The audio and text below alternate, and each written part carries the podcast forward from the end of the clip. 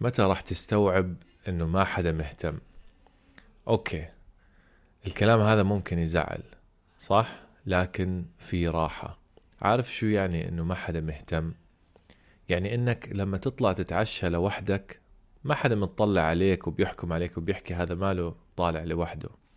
يعني لما تجرب تصور فيديو ما راح حد ما حدا راح يحكي لك إنه أنت شو هالغبي هذا؟ شو قاعد بيخبص؟ يعني لما تروح على الجيم وانت جديد وشوي سمين ما حدا راح يحكي شو بيعمل هذا وشو بيخبص. كل واحد مشغول بنفسه وكل واحد بيعتبر نفسه بطل قصته إلا أنت بتعتبر نفسك شخصية ثانوية في قصص الآخرين وهذا ينتهي اليوم. يعني خذ نفس عميق. وابدأ بحلمك وهذا موضوعنا. ابدأ بكل بساطة.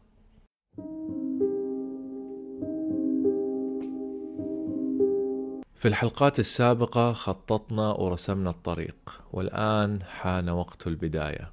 لأنه مهما تكلمت ومهما نصحت ومهما أرشدت ومهما شاهدت مقاطع وما بديت ستبقى الأحلام في عالم الخيال.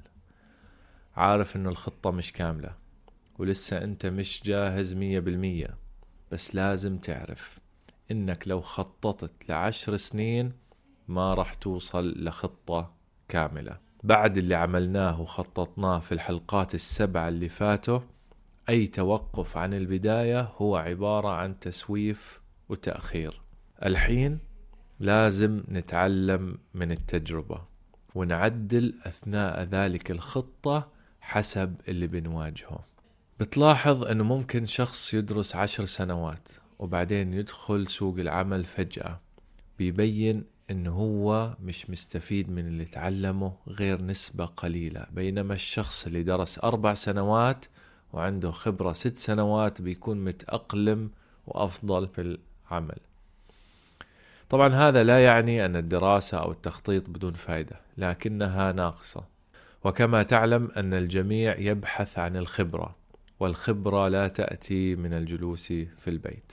ولو بحثنا عن الهدف من وجود الخبرة أصلا هو مش عد السنوات لكن هو تعرضك لسوق العمل في المجال اللي أنت متخصص فيه والوقوع في شتى أنواع المشاكل والتعود على كيفية حلها حتى يتحول هذا الأمر لإشي طبيعي. أنت بتحل مشاكل حلال مشاكل.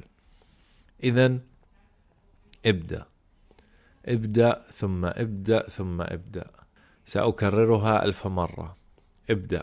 مهما ظننت أن الطريق مليء بالصعاب مهما شكك بك الآخرون مهما اعتقدت أنك لا تستحق هذا النجاح. ابدأ.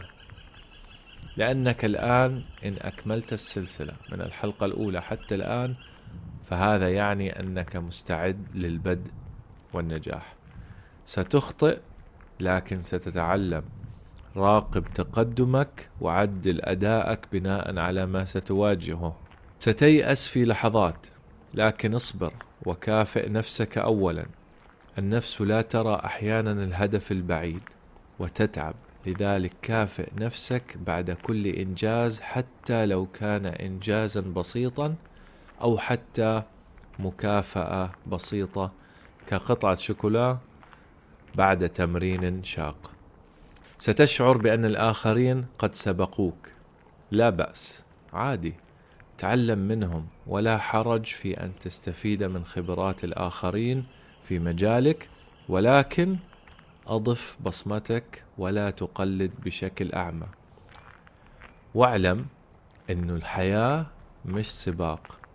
في خير بيكفينا إحنا كلنا في العالم. لا تقلق غيرك نجاحه لا يؤثر على نجاحك. وهاي النقطة حط تحتها مليون خط.